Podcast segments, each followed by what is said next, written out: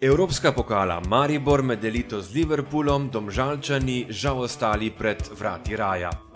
Slovenska liga, komu prvi letošnji večni derbi, italijanska serije A. Lučano Spalletti in Francesco Totti znova skupaj, izvrsten začetek Walterja Birse. Tuja prvenstva, tehnična podpora za sodnike Vat, žaburi duhove. Ženski nogomet, Olimpija v Ligi prvakin, velenski ženski klub žal usahnil.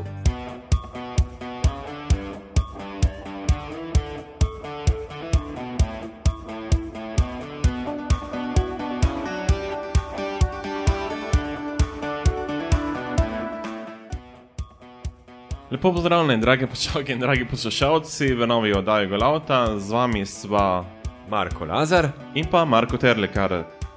Teden je naokrog in ponovno bomo pregledali, kaj se vse zanimivega zgodilo na nogometnih zelenicah in seveda najprej na domača oziroma celo na evropska. Kajti v torek in v četrtek smo imeli svoje predstavnike v evropskih pokalih, najprej čestitke Mariboru, potem pa tudi čestitke Domžalam, ampak žal brez tistega želenega cilja oziroma uspeha, da bi tudi oni si priborili Ligo Evropa. Ja, nekako potihem smo pričakovali, da bi recimo lahko uspelo tudi domžalčanom, žal jim ni čestitke za prikazane predstave. Sinoči so briljirali v prvem polčasu, v drugem polčasu jim je znova zmanjkalo nekaj moči, pa tudi sreče.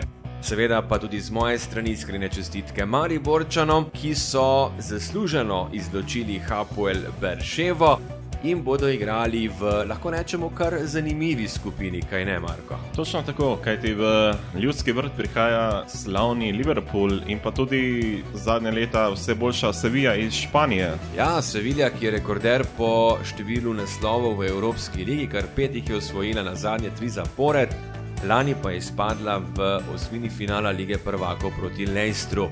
Zagotovo pa bodo imeli težko delo tudi proti ruskemu prvaku Spartaku iz Moskve, ki je sicer med nosilci, ampak lahko bi dejali med manj atraktivnimi nosilci. Je pa res, da sem nekaj prebral v tujih medijih, da nekateri klubi že nekako želijo spremembo pri žrebu.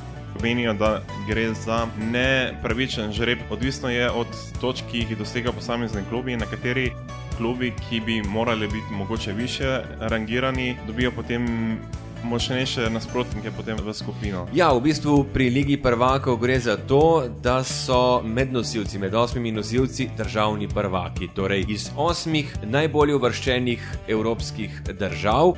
Zato je tudi Spartak med nosilci in recimo Barcelona ni, pa bi recimo morala biti potem takem, če bi šteli samo količnik. Ampak zaenkrat so pravila igre takšna, tako da pač, če si dober, boš vseeno zmagal. Tako pogledamo še ostale skupine, oziroma Marko, katera skupina se ti zdi najbolj zanimiva, poleg te skupine, v kateri imamo svojega predstavnika. Ja, težko bi se bilo zdaj le odločiti, če pogledamo skupino B, Celtic, Bayern, München, PSG in Anderlecht, tu nekako izstopata Bayern in PSG. Verjetno se strinjaš, da bi bilo veliko presenečenje, če ne bi uspelo Bayernu in PSG-ju priti na prvo oziroma drugo mesto. Točno tako, pa tudi tista skupina, v kateri je Barcelona z Juventusom, pa Olimpijakosom pa... in Sportingom. Tako. Tudi ta zna biti zanimiva, ampak tudi tukaj imamo dva izrazita favorita, Barcelono in Juventus, oziroma Juventus in Barcelono. Glede na to, da so Bianconeri evropski podprvaki in so lani izločili Barcelono v osmini, oziroma v četrt finalu, se opravičujem.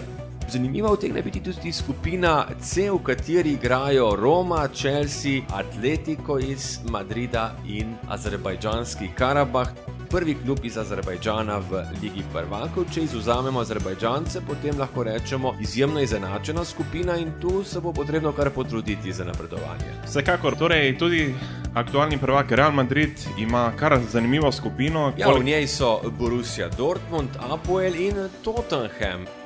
Apol, vemo, ciprski prvak je iz leta v leto boljši, znova so mu uspelo vrstiti med elito. In tu imamo tri zelo močne ekipe. Zanimivo, lani je bila v pretekmovanju Borussia iz Dortmunda uvrščena celo pred Real, na koncu vemo, kako se je vse skupaj izteklo. Tottenham pa je tudi ekipa, ki je ne velja kar tako odpisati. Čeprav pri Tottenhamu gre v letošnji sezoni kar precej na robe, ne igrajo na svojem domačem terenu, kajti Whitehall Lane se obnavlja. Igrajo na Wembleyu in tudi v domačem prvenstvu se kaže, da se ne počutijo še toliko doma na tej znameniti zelenici. Ja, se strinjam. Tottenham bo po mojem pristal na tretjem mestu, če mi dovoliš, da napovem Lahko. vrstni red. Si bom upal napovedati, na prvem mestu bo tokrat Real iz Madrida, na drugem pa eh, Borussia iz Dortmunda.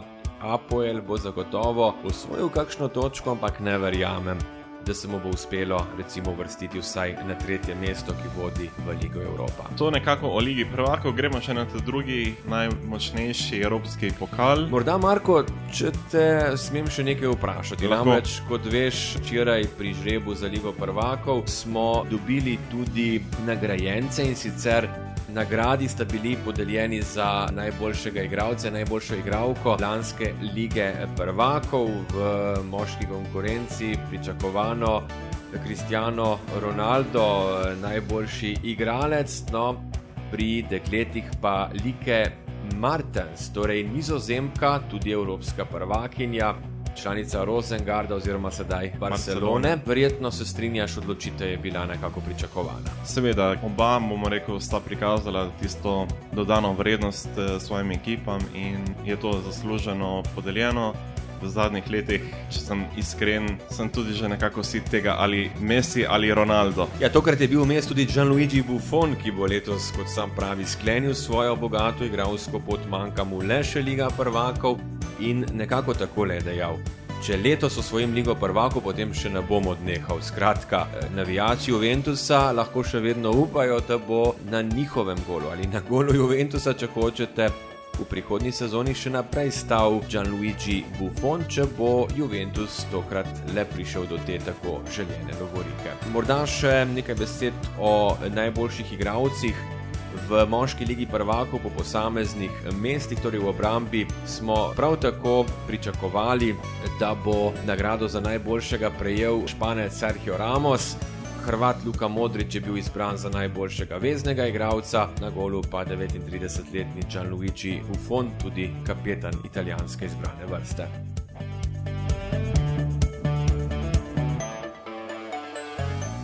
Zdaj ne bi pa šli kar naprej, ne? če se strinjaš na Ligo Evropa. Nekaj sva že rekla o domžalah, ni se jim uspelo. V tihem smo jih pričakovali danes v četrtem kakovostnem bobnu, ampak tako pač je.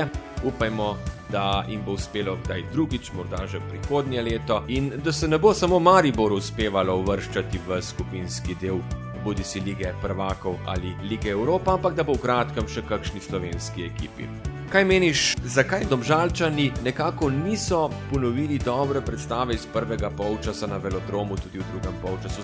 Znova so popustili, znova so tudi fizično padli. Vidi se, da Rožma nima v kadru dovolj igralcev, da bi lahko rotiral, kajti tudi v domačem prvenstvu mora igrati v tem času in ti igralci v tem trenutku niso toliko sposobni, oziroma teže igrajo dve tekmi na teden.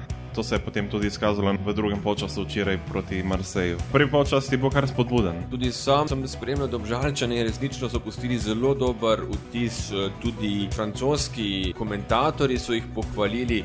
Izgledalo je, kot da so vajeni igrati francoske lige. In mislim, da je prav tu nekako vzrok tega, da so v drugem polčasu padli. Ker eh, v slovenski ligi nimajo veliko močnih tekem in tu se potem pozna, če ekipa pride iz močnejše lige, ima določeno prednost. Marsej se kar nekako bal te tekme z domžalčani ne gre jim po načrtih. In na zadnje so jih na treningu eh, pred tekmo obiskali tudi navijači. Vemo pa, da navijači Olimpika iz Marseja zahtevajo veliko več kot le uvrstitev v skupinski del Lige Evropa. Točno tako, kaj ti gre za legendarni klub iz Francije in vsekakor je Marseille klub, ki mora biti na vrhu oziroma se mora boriti za naslov francoskega prvaka, pa tudi čim dlje biti v evropskih pokalih.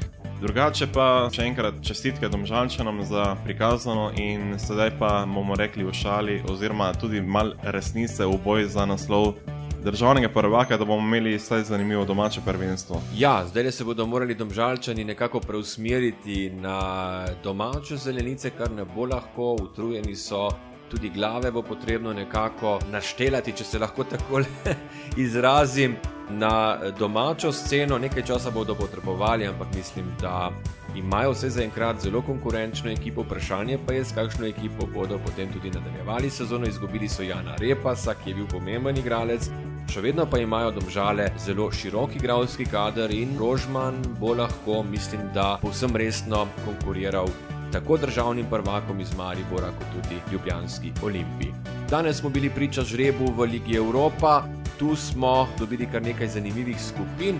Marko, rečanje čaka tudi dvoboj z Milanom v skupini D, bodo rečani Matjaža Keka in Črnica igrali tudi proti Dunajski Avstriji in eh, lahko rečemo kar močni ekipi AEK-ja iz Aten. Ja, Matjaža Keka čaka kar zanimiva skupina oziroma kar zanimivi nasprotniki so mu bili dodeljeni.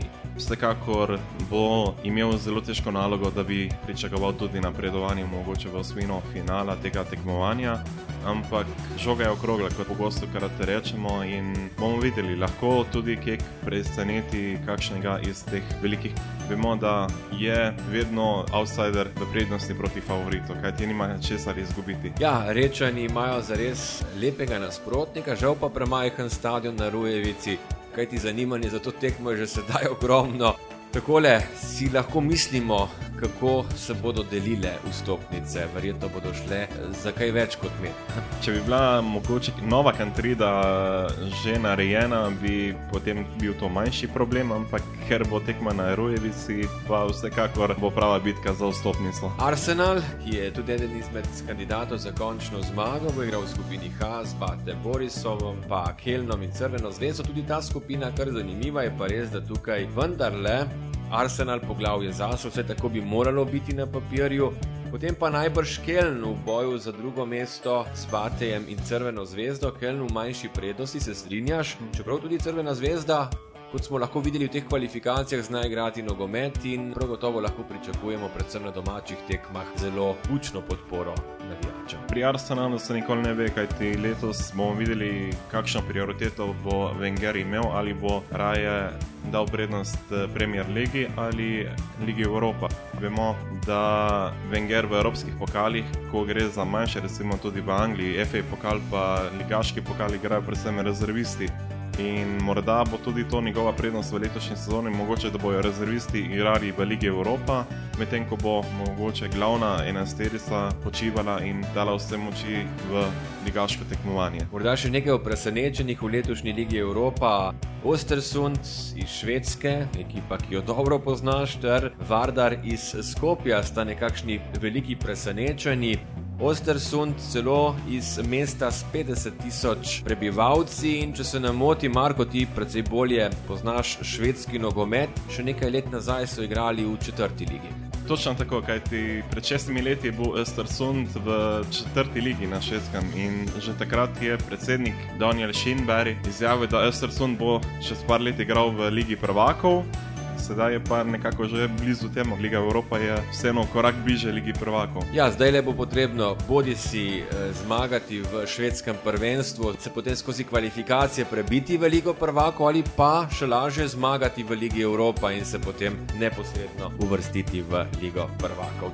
Tudi Vardar je naredil veliko, ne na zadnje je premagal kar močnega turškega predstavnika Fenerbahča. Je pa res, da tisti, ki financira Vardar, je kar močen, gre za ruskega nekdanjega rokoborca, če se ne motim. Tudi jaz sem nekaj slišal. Ja? In ima tudi v lasti rokometni klub Vardar in zelo veliko vlaga v makedonski šport oziroma v ta klub.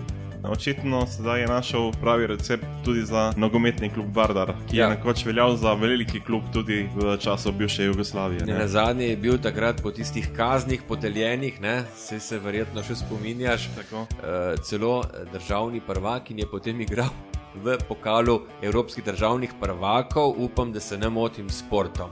Ampak pustimo to za enkrat. Vardar, rokometni klub Vardar je že evropski prvak, kdo ve, morda bo zdaj uspelo tudi nogometnemu, čeprav je tu pot do naslova veliko, veliko težja kot recimo v rokometu. Bo moral kar precej odpreti svoje denarnice, ta ruski nekdani športnik, da bo mogoče konkuriral najboljšim klubom. Tako, to bi bilo v Evropi verjetno kar eh, dovolj. Mislim, da smo kar veliko govorili, še veliko bi lahko o tem povedala, ampak pustimo še kaj za drugič. Zdaj pa se bomo preusmerili na slovenske nogometne zelenice.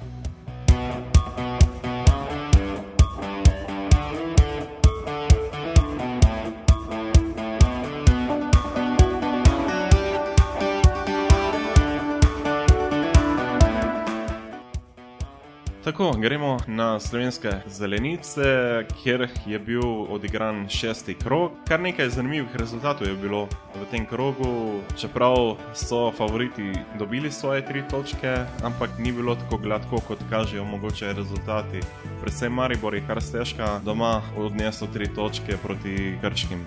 Ja, Marko, se strinjam. V bistvu Mariborčani so razmišljali o Ligi Prvako in prav so naredili, namreč vemo, kaj jim je uspelo in zato potem tudi niso igrali s popolno najboljšo zasedbo proti Krškemu, ampak pravijo, da je odlika velikih ekip tudi ta, da znajo tudi takšne tekme dobiti, pa čeprav v sodnikovem dodatku. In to jim je ne na zadnje tudi uspelo. Na vrhu zdaj je poravnana Maribor in Olimpija. Mariborčani so torej doma tesno premagali Krško. Tudi Olimpija se je morala v Dravogradu, kjer eh, igra domače tekme ekipa Ankarana Hrvatinov, dobro potruditi. Šele na koncu so strli odpor gostov, oziroma gostiteljev, bolje rečeno, z obale, da so prišli do treh točk, ki so jih načrtovali. Je pa res, da je ekipa Ankarana Hrvatinov popustila tudi v fizičnem smislu. Ne na zadnje tudi Vlado Bađim povedal, da ekipa potrebuje nekakšne mini priprave, da bo lahko skozi vseh 90 minut igrala v visokem ritmu, kajti igravci so prihajali iz vseh koncev in krajev. Zdaj le, ko bo reprezentančni premor, pa pravi tudi sam Vlado Bađim, da bo ekipo nekako konsolidiral in da bo potem ekipa Ankarana Hrvatinov zagotovo igrala pomembno vlogo v boju za obstanek med prvo ligaši. Sicer pa na tej tekmi se je tudi predstavil Argentinec slovenskih korenin, novi napadalec Olimpije Andres Vombergar, ki se je tudi upisal med streljce. Ne, ni se še upisal med streljce, samo podajalec je bil pri, pri zadnjem golu. Ja, Abbas je bil tisti, ki je dvakrat zadev najnižji igralec na igrišču, ki je uspel prvo zadeti celo z glavo, to je bil gol za 2 proti 1 za 3 proti 1 pa je resnično zadev po podaji Vombergarja, ki je dobil priložnost za zaključku tekme nekako premalo, da bi ga lahko ocenili. Sam mislim, da bo potreboval nekaj časa, da se vklopi v evropski nogomet, igral je v drugi argentinski ligi, kjer je bil tudi najboljši strelec s 13 goli lani. Argentinski nogomet oziroma evropski sta dve povsem drugačni stvari, pa tu ne mislim nič podcenjevalnega do Argentincev. Argentinci pač igrajo nogomet, kjer je manj taktiziranja, veliko več tekanja, skratka. V Evropi se igra bolj taktičen nogomet in ko se bo Von Berger privadil na slovensko ligo, ki še zdaleč ni tako enostavna, kot bi si kdo mislil, potem bo prav gotovo tudi pri nas dosegal gole. Trenutno pa ima Olimpija izvrstnega Abasa, ki je skupaj dosegel že pet golov, Potem, ko je v prvih treh krogih dosegel pogolna tekmo, se je v naslednjih dveh tekmah postil, ja, streljsko postil, da ne bo pomote. In mislim, da je to resnično tista prava okrepitev, čeprav je bil pri Olimpiji že lani, prišel je po zimi, ki bi veliko utegnila pomeniti Ljubljančanom v fazi napada. Gre za vendarle še mladega 18-letnega Ganca. Ampak se je naredil kar velik preskok iz lanske sezone, v bistvu pol sezone letošnjo, mogoče tudi Biščan mu je namenil mogoče malce drugačno vlogo in trenutno se je odlično znašel v tej poziciji. Po mojem, prihaja ta reprezentančni premor prehitro za njega. Ja, morda, morda tudi ne. Omenil si pozicijo, ki jo je dobil igra nekako na mestu edinega pravega napadalca, pa čeprav Abbas to ni.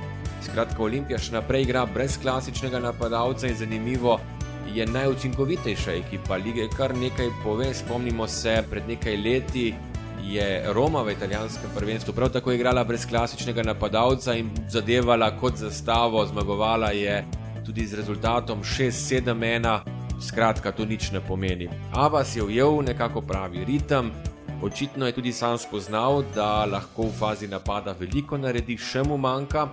Ne na zadnje, večkrat tudi ni pravi v sami končnici, ampak dejstvo je, da je igralec, ki veliko pomeni tej ekipi. Tako da Igor Biščan, mislim, da ga bo kar še naprej uvrščal na to pozicijo, vsaj v tem sistemu 4-2-3-1, če se bo seveda za njim nekako odločil tudi v nadaljevanju. Videli bomo, ali bo s takšnim sistemom ne na zadnje igral že tudi na prvem letošnjem večnem derbiju v nedeljo ob 20:20 v Ljubljanskih stožicah, ki bodo verjetno kar dobro popolnjene.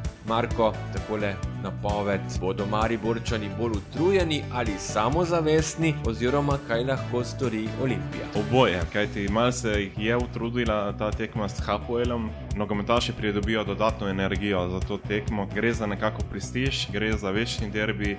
Že pogosto krat sem tudi slišal, recimo v Italiji, važno, da ste mestnega nasprotnika premaga, tudi če se potem izpade iz lige, ampak je tisti nekako prestiž več pomemben, kot če ni uh, pravih rezultatov. No ja, napovedala bova rezultat kasneje, ne, ko bo prišel eh, čas za to. Sam mislim, da bomo spremljali zanimivo enakovredno predstavo, da bodo imeli več svežine ljubljančani in tudi morda nekaj več motiva. Kaj ti, ko se vrstiš v Ligo Prvako, je jasno, da si nekoliko dahneš, kaj ti veš, da te čaka potem skupinski del.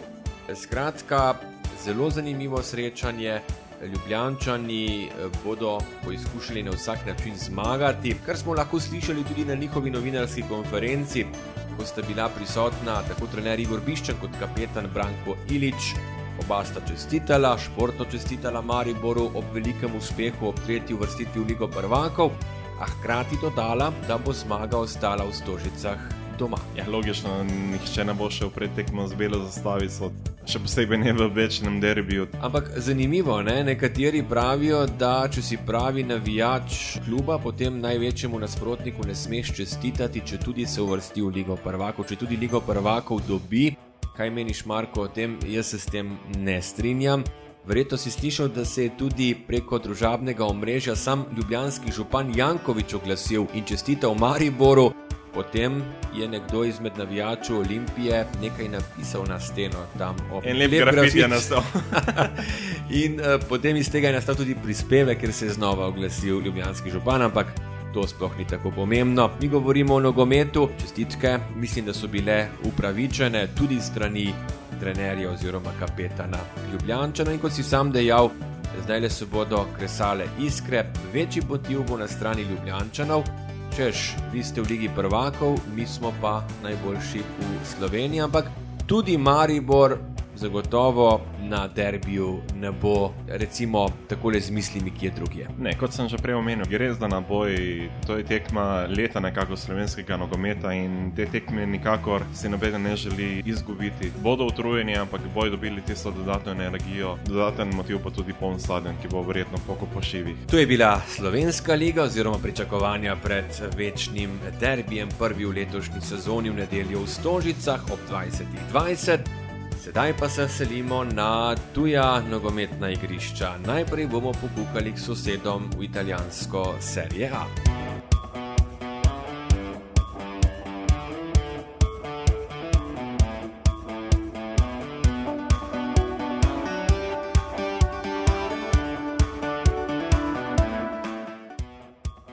Pa gremo na italijanski Škoren, kjer je Walter Birsa se predstavil v zelo lepi luči v prvi tekmi nove sezone, ko je Kjevo premagal Udinese z 2 proti 1. Walter Birsa je bil kar tisti, ki je odločil zmagovalca. Ja, seveda, podaja in gol, eh, kaj bi še želel več, na koncu to zadostuje za zmago. Gigi Del Neri proti svoji nekdanji ekipi, torej ni prišel niti do točke, na Friuli so bili domači navijači razočarani, redki, a zelo glasni navijači Kijeva pa so bili navdušeni tudi nad predstavo našega Walterja Pirse. Ki se je odlično vklopil v ekipo. Videli bomo, če bo letos naredil še korak naprej. Gre za igralca, ki igra iza obeh napadalcev, ki razigrava ekipo, ki zna natančno podati. Ali bo začel tudi natančno meriti proti vratom, ko mu je to uspelo proti Skufetu na tokratni tekmi na Friulju? Ali bi lahko bil Kijevo letošnjo presenečenje, kajti nihče ne pričakuje, zgornji del lestvice bi pa lahko bil nekako realen cilj. Res, da je šele prva tekma. Ja, točno tako, to je bila prva tekma treba bo počakati vse nekaj krogov, da bomo videli, kakšno ekipo ima Kijevo. Vsaj menim, da ima prekratko klop. Prekratko klop, da bi se lahko potegoval za recimo Evropo, to pa pomeni vsaj šesto mesto. Tudi lani je bil nekaj časa v igri, da bi recimo posegel po najvišjih mestih. In potem, ko je bilo videti, da je to skoraj da nemogoče, so nogometaši Kijeva kar precej popustili. To je pač tisto, da nimaš ekipe, ki nekako kontinuirano igra za Evropo, oziroma ki bi bila se sposobna do konca boriti za Evropo. Rolando Maran je izvrsten trener, vsaj po mojem mnenju. Mislim, da bo tudi Kijevo letos zlahka obstal med elito, Ampak, če bi se mu uspelo vrstiti v Evropo, to bi bila, vse po mojem mnenju, že kar senzacija oziroma veliko presenečenje. Letošnje prvenstvo bo v zgornjem delu lige še toliko bolj izenačeno, štiri mesta vodijo Ligo prvakov, skratka, zelo, zelo težko bo. Imamo kar nekaj izenačenih ekip pri vrhu, Mislim pa, da trenutno ekipa Kijeva ne more konkurirati ravno tistim najboljšim. Drugače pa presenečenje mogoče prvega kroga je Remi spala Palacija. Nekako neprečakovano, da je novinec vzel točko proti Lasiju, ki je vzel super pokal proti Juventusu. Ja, Pred skoraj dvema tednoma ja. je v Rimu osvojil super pokal proti stari dami in morda tudi zaradi tega je mislil, da bo zlahka opravil s povratnikom v seriji. Zanimivo, spali s Ferrari, nekdani ugleden klub, tudi nekdani prvak Italije, se je po 49 letih znova vrnil med elito. V Ferrari so tudi dobro trgovali v tem poletju, tako da imajo kar konkurenčno ekipo in eh, vse po mojem mnenju se bo spalo uspelo obdržati v seriji A. Prva tekma je bila zelo obetavna. Ne da so osvojili točko, igrali so tudi dobro. Kot verjetno veš, Marko je tudi Borjelo prišel k spalu iz Kaljarja, kjer se je znova skregal. Skratka, Borjelo ima kar dolg jezik, hitro menjuje klube. Naj en svoj menjak je kar problematičen. Hočeš reči, da smo vsi markoti, tako lepo domače. Problematično je, ja, če bi vprašali, verjetno koga, ki nas poznajo, bi verjetno pritrdili, ampak dajmo se spet usmeriti na tiste prave nogometaše. Marko Borjelo bo, mislim, da kar velika ukrepitev napadu spala. Zdaj le pa, če se nekoliko zaustaviva Še pri tem prvem krogu velja izpostaviti tudi tekmo v Bergamu, namreč Atalanta je izgubila proti Romi. Ampak sam sem si tudi ogledal, predvsem vrhunce in videl, da je imela Atalanta kar lepe priložnosti, da bi lahko to tekmo tudi dobila, oziroma vsaj osvojila točko. Žal se ni šlo. Za Romo pač se je, zanimivo je bilo videti Francesca Totija prvič po dolgem času spet v lepi obleki med gledalci na časni tribuni, kjer je delil avtograme. Je pa res, da me Roma ni prepričala. Roma ni igrala, kdo ve kako dobro, je pa začela dobro. No? Osvojila potrebne oziroma željene tri točke na vselej neugodnem gostovanju v Bergamu. V Bergamu je sila težko zmagovati, tudi takrat, ko se recimo Atalanta bori za obstanek in ne za najvišja mesta. Tokrat Jasmin Kurtič ni igral dobro, tudi to velja povedati. Nekako ga je potem v zadnjih 20 minutah zamenjal rojak Josip Piličič, ki je bil boljši, ampak žal zatresel samo vratnico in to iz ugodnega položaja. Ja, prvi krok je nekako bolj testiranje forme posameznih ekip ni pokazatelj, v kakšno smer bodo ekipe šle. Počakajmo enih par krogov, da vidimo, kako se bodo ekipe delale, bomo rekli, in potem nekako bolj ocenili. Tudi Milan je proti Krotoniju zmagal visoko, ampak igra pa ni bila kaj prida, oziroma tudi izkučitev jim je predvsej pomagala v peti minuti. Točno tako, Kroton je igral z igralcem manj praktično celo tekmo in to ni bil pravi pokazatelj. Moči Milana, prave tekme šele prihajajo ko bodo tiste prave tekme, takrat bomo ocenjevali, koliko so resnično vredni rosoneri.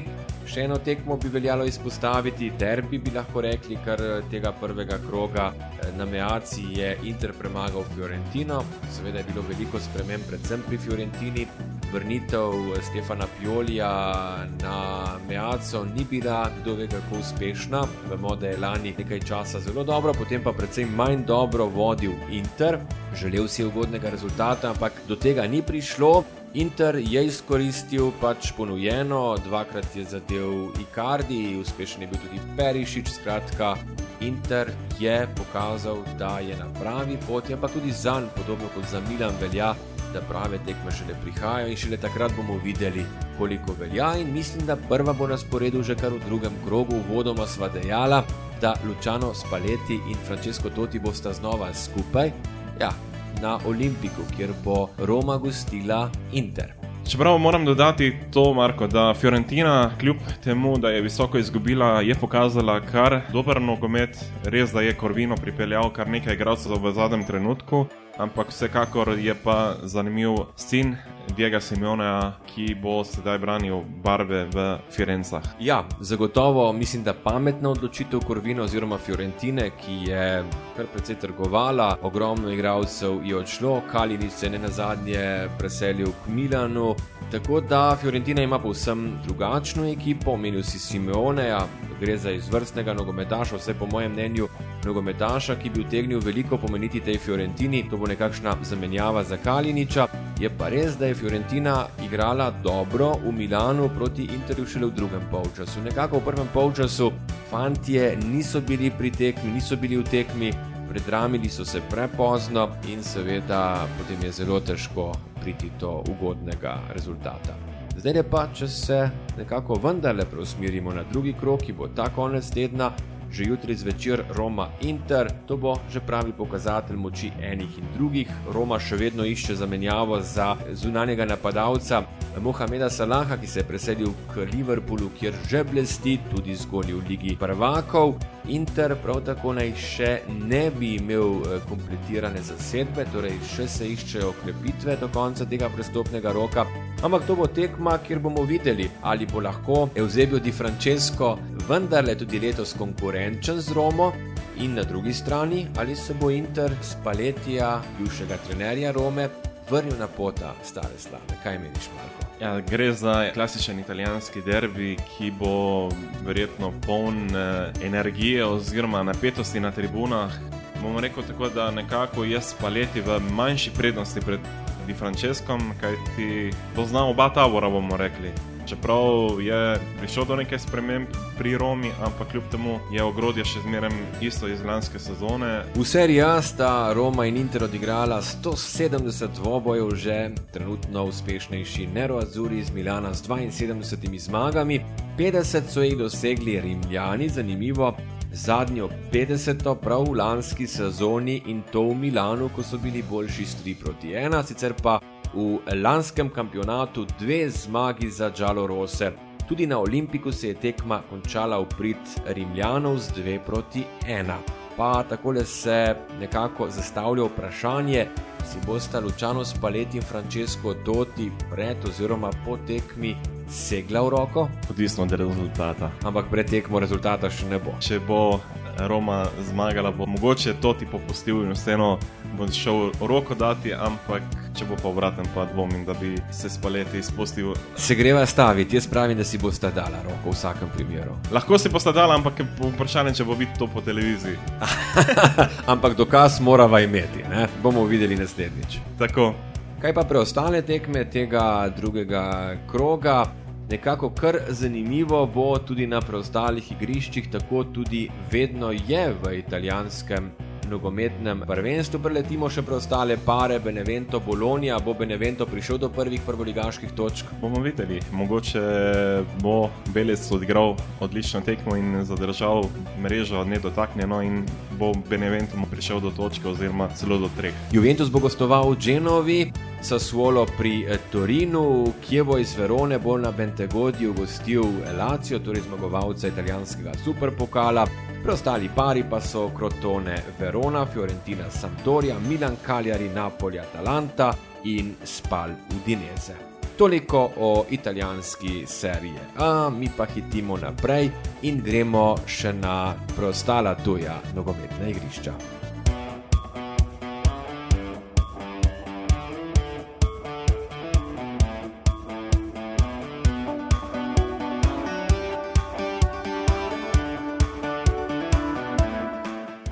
Tako, gremo naprej po zelenicah po Evropi in nekako še zmeraj bomo ustavili na italijanskih zelenicah, pa tudi na nemške gremo, kajti v ospredje prišel tako imenovani VAT, ki bori precej duhov v Nemčiji, celo razmišlja o tem, da bi ga mogoče že ukinili. Marko, kaj meniš?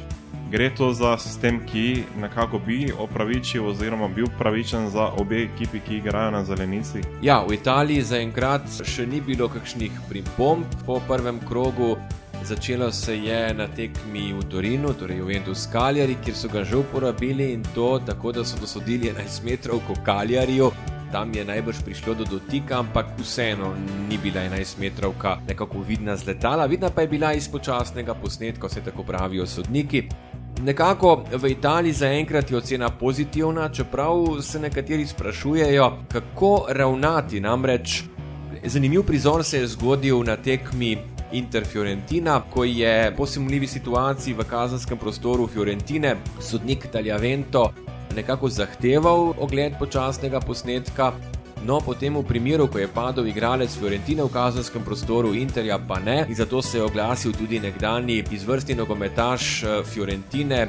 Giancarlo Antonioni, trenutno v vodstvu kluba, ki je dejal, zakaj ne gre za enaka merila za vse ekipe, in mislim, da bodo morali biti v Italiji sodniki na to še kako pozorni. Je pa res, da včasih resnično tudi iz več počasnih posnetkov ne moreš videti natančno, kaj se zgodi, še vedno naj bi imel glavno besedo sodnik in mislim, da je tako tudi prav. Ko gre za odločitve, ali je bil gol ali ne, oziroma ali je bil offside ali ne, ampak resnično tisti pravi offside, ne pa v milimetrih ali desetinkah milimetrov, potem je ta odločitev pravilna če bi se šlo pa gledati kakšne resnično manjše detalje, potem ne, ampak mislim, da ga bodo uporabljali predvsem kot podporo glavnemu sodniku.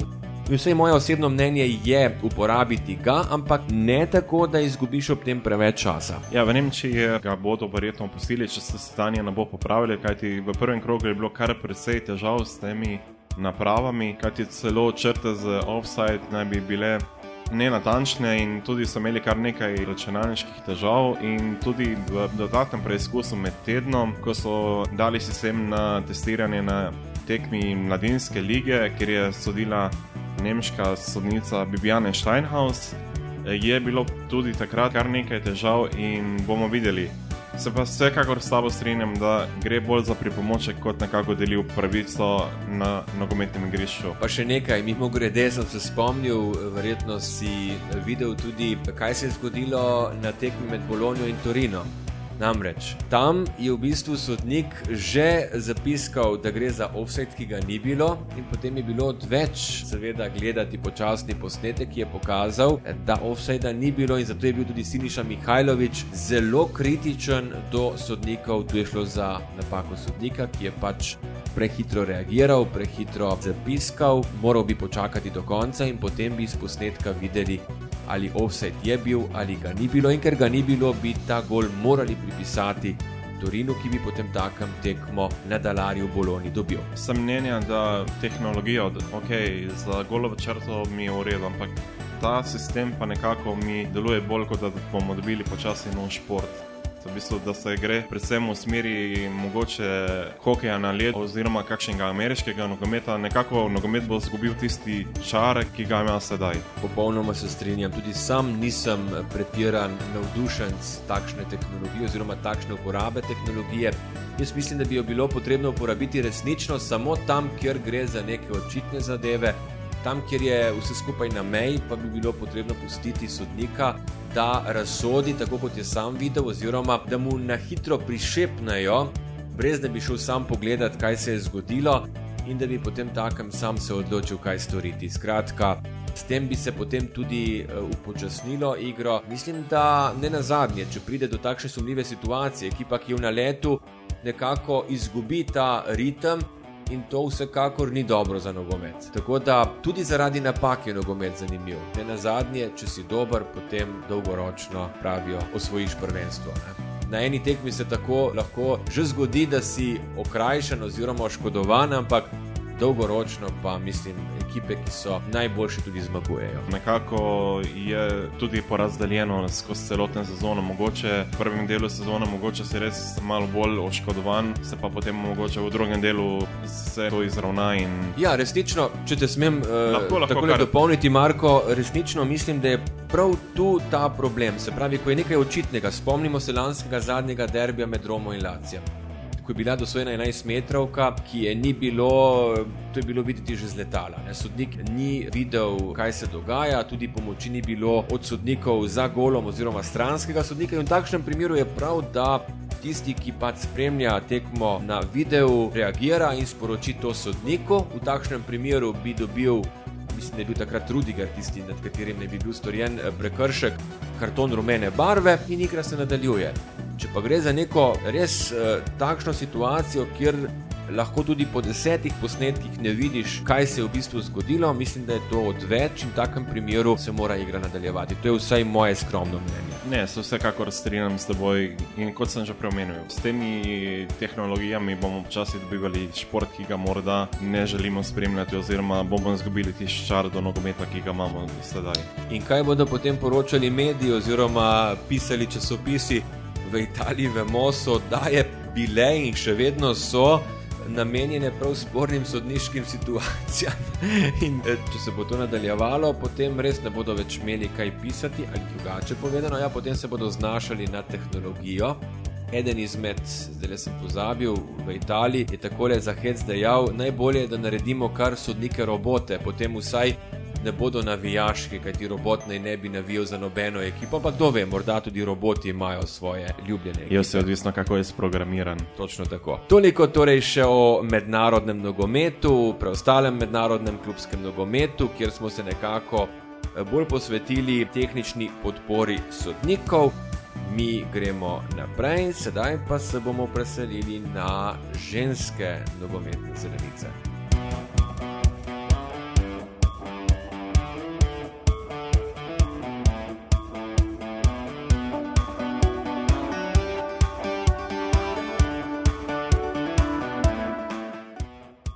Tako, še ena stalna rubrika v naši oddaji, torej ženski nogomet.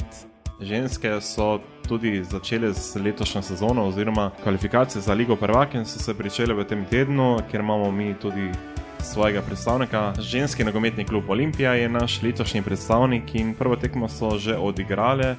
Za vse tiste, ki ne vedo, je pri ženskem tekmovanju malce drugače zastavljeno kot pri moškem, kajti kvalifikacije potekajo na različnih koncih Evrope, kjer so štiri ekipe in je eden gostitelj. V primeru Olimpije je prav Ljubljana gostiteljica svoje skupine. Ljubljančanke so že odigrale prvo tekmo in žal izgubile proti močnemu nasprotniku Ciriha. Ja, zdaj le jih čaka še tekma z beloruskimi prvakinjami. Mislim, da nimamo še dovolj konkurenčne ekipe, ki bi lahko igrala vidno vlogo v najelitnejšem evropskem klubskem tekmovanju. Vseeno pa pomembno je, da igraš takšne tekme, tudi te eh, tekme veliko pomenijo, da nekako spoznavaš nasprotnike, da se navadiš igrati močnejše tekme in potem mislim, da bo iz leta v leto laže in da lahko v bližnji prihodnosti tudi eh, ženski nogometni klub iz Slovenije pričakujemo med elito. Zdaj pa še to, da se tudi prične domače prvenstvo in žal moramo poročati o zgodbi, ki se je končala in sicer v Velenju nima več ženskega prvoligaša. Ja, zares škoda, upajmo, da bodo v čim krajšem času spet nekako oživili ženski nogomet tudi v Velenju. Mislim, da je prav, da se tudi na ženskem nogometu veliko dela, tudi nogometna zveza Slovenije bi morala tukaj postoriti marsikaj. Ženski nogomet postaja vse bolj zanimiv, ne le za ženske, ampak na koncu konca tudi za moške, pa čeprav vemo, da je ženski nogomet nekako vendarle bolj ženska domena, ampak vseeno. eh, Mogoče nas je moške strah, da bi prevzeli to domeno, ne, da bi postal bolj popularen kot moški. Ne, ne. Eh, nekako bolj iz tega vidika, da pač ženske vendarle se ne morejo kosati eh, z najboljšimi eh, moškimi klubi, da je pač nogomet v ženski konkurenci manj dinamičen, pa čeprav lahko tudi vse na tisti najvišji ravni. Tudi v ženskem nogometu spremljamo še kar zanimive dvoboje. Po tej plati aktivnega igranja pa mislim, da je to zelo dobro. da se tudi ženske vključujejo, veliko več zanimanja iz vrst teh eh, mladih deklet v Sloveniji, da bi se vključili v kakšen nogometni klub, iz tega vidika to tudi prav. Če bo rastel klubski nogomet v Sloveniji, če se bo veliko nogometašic iz Slovenije prodalo tudi v močnejše tuje lige, potem bomo imeli tudi močnejšo reprezentanco. Skratka, vse skupaj je povezano in jaz lahko le držim pesti za ženski klubski nogomet v Sloveniji. Upam, da bodo v Velenju v kratkem spet nekako nekaj storili, da bo spet začel delovati ta klub in eh, ne na zadnje, da se bo morda še kje našel kdo, ki bo ulagal v ženski nogomet. Upamo, da se bo tudi Krka nekoč vrnila, kajti gre za tudi tradicionalni klub iz Novega mesta, ki je bil kar nekajkrat državni prvak in je moral tudi zaključiti svojo zgodbo res upam, da bi ženski nogomet dobil nekako svoje predstavnike, ki bi naredili to ligo močno in seveda tudi, da bi se lahko pomirili. Z najboljšimi klubi v Evropi, oziroma da bi lahko se enako vredno kosali s tistimi klubi, ki so mogoče malce pod najboljšimi. Toliko torej tudi o ženskem nogometu, več o ženskem nogometu bomo spregovorili v naslednji oddaji.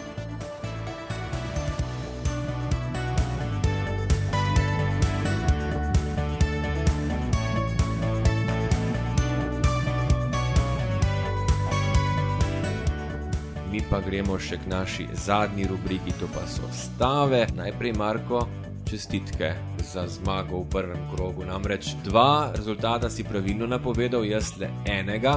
Ampak, verjemi, ne bom se kar tako predal, pred nami je že drugi krok. Hvala za čestitke. Je pa res, da si ti bil bolj rizičen, bomo rekli. Si nekako šel v te rizične tekme, jaz sem bil nekako bolj bomo rekli, ziharaš. Izbral si pravo taktiko, Marko. Tukaj moramo priznati, tudi taktika nekaj pomeni. Jaz sem se pač odločil za preveč ofenziven nogomet in uh, izgubil. Zdaj le boš pa ti prvi odgovarjal. Ne? Prejšnji sem jaz, ugotovil sem, tako da ponoviva tekmo v Mariboru, v Ljudskem vrtu, torej povratno tekmo play-offa za Ligo Prvako, Maribor, Hapo in Berševa in tudi natančno napovedal rezultat ne pa tudi streljca. Ne. Rekl ne. sem, da bo Tavares strelec, je bil pa še en, katerega ime se začne na črko M. Mitja Viler, večno zeleni Mitja Viler, ki je bil že na pragu odhoda, vse tako le so govorili v Mariboru, zdaj le pa je postal kar tako le čez noč junak in to upravičeno, kaj ti dosegel je zlata vreden gol ti pa si bil uspešen na dveh tekmah. Tako, bil sem uspešen na tekmi Inter Fiorentina in pa zadev sem tudi srečanje na Rio Zoru v La Coruni med Deportivom iz La Coruni in pa Realom Madridom. V tem tednu pa ne bom šel tako ziharaško, bomo rekli, ampak sem vzel takšne tekme, ki nimajo v naprej določenega zmagovalca, bomo rekli. Torej, ofenzivnejši nogomet, ki ne na zadnje privablja tudi gledalce. Tako. Prva tekma, ki sem jo izbral, je iz angleške Premier League in sicer gre za tekmo med Crystal Palaceom in pa Swansea. In tukaj napovedujem enko. Frank de Boer sicer ni začel odlično s svojim novim moštvom v Angliji, ekipa še ni zadela, ampak menim, da bo to tista tekma, ki bo nekako prelomnica in Kristjan Benteke bo nekako tisti njegov rešitelj. Potem druga tekma bo odigrana v nedeljo in sicer na Bentegodiju v Veroni med Kijevom in pa Lacijem. In sicer tukaj bo tudi ponovno enka. Menim, da je trenutno Kijevo v boljši formi kot Lacijo in tudi upam, da bo ponovno zadev naš rojak, seveda Walter Birsa. In še tretja tekma, ki sem jo izbral, je pa seveda večni slovenski derbi med Olimpijo in pa Mariborom. Tukaj pa menim, da bo ničla na koncu kajti obe ekipi bodo imeli preveliko željo in nihče ne bo zatresel. Jaz bom pa takole začel pri Nemcih. Prva tekma bo odigrana jutri in sicer ob 15:30. In sicer bosta igrala Bayer iz Leverkusna in Hoffenheim debitant v evropskem tekmovanju Hoffenheim, ki je lani zasedel četrto mesto v državnem prvenstvu, no letos pa bil potem neuspešen v kvalifikacijah proti Liverpoolu. Moj znak je ena. Bayer je začel z ničlo, Hoffenheim zmagal v domačem prvenstvu, no tokrat pa mislim, da bo uspešen tudi Kevin Campbell, ki bo, vsaj po mojem mnenju, dobil priložnost že takoj na začetku, vse tako upam oziroma si želim. Naslednja tekma bo jutrišnja večerna tekma in sicer na Olimpiku v Rimu, kjer bo torej Roma gostila Inter. Moj znak je 2. Ja, recimo, da bo zmagal Inter, rezultat pa 1 proti 2. Tista prva tekma med Bayerjem in Hoffenheimom pa se bo zaključila z rezultatom 4 proti 2. In še ena tekma, tudi jaz sem izbral prvi letošnji večni derbi v Stožicah, Olimpija, Maribor 1 proti 1. Torej, tako kot ti pravim, da bo neodločeno, mislim pa, da bomo spremljali zanimivo nogometno predstavo. Upamo, da bo res šlo za praznik slovenskega nogometa. In seveda še enkrat želimo Mariboru, ki nas bo tudi letos zastopal v skupinskem delu lige prvakov, veliko sreče in ne nazadnje tudi znanja, da bi osvojil kar čim več točk in že na začetku, ko bo 13. septembra v Ljudskem vrtu gostil ruskega prvaka Spartak iz Moskve, vknjižil zakaj ne tudi prve tri točke.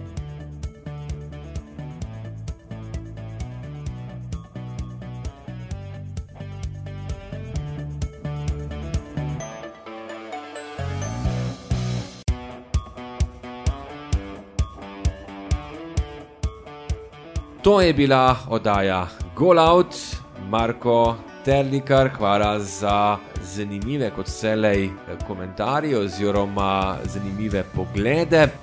Tudi sam si bom zagotovo ogledal kakšno tekmo, oziroma kar nekaj si jih želim ogledati, če bo čas. Marko, kakšne boš nekako ti imel podrobno gledom? Imam v mislih kar oba derbija, nekako italijanskega pa slovenskega. Če bo še zakaj, bomo videli, ampak načeloma te dve tekmi imam v načrtu. Sicer pa je nogometa dovolj tudi v živo in mogoče se bom tudi kakšno tekmo v živo ogledal. Hvala vam, spoštovane poslušalke, cenjeni poslušalci, ker ste bili v naši družbi. Bodite znova z nami tudi prihodnji teden.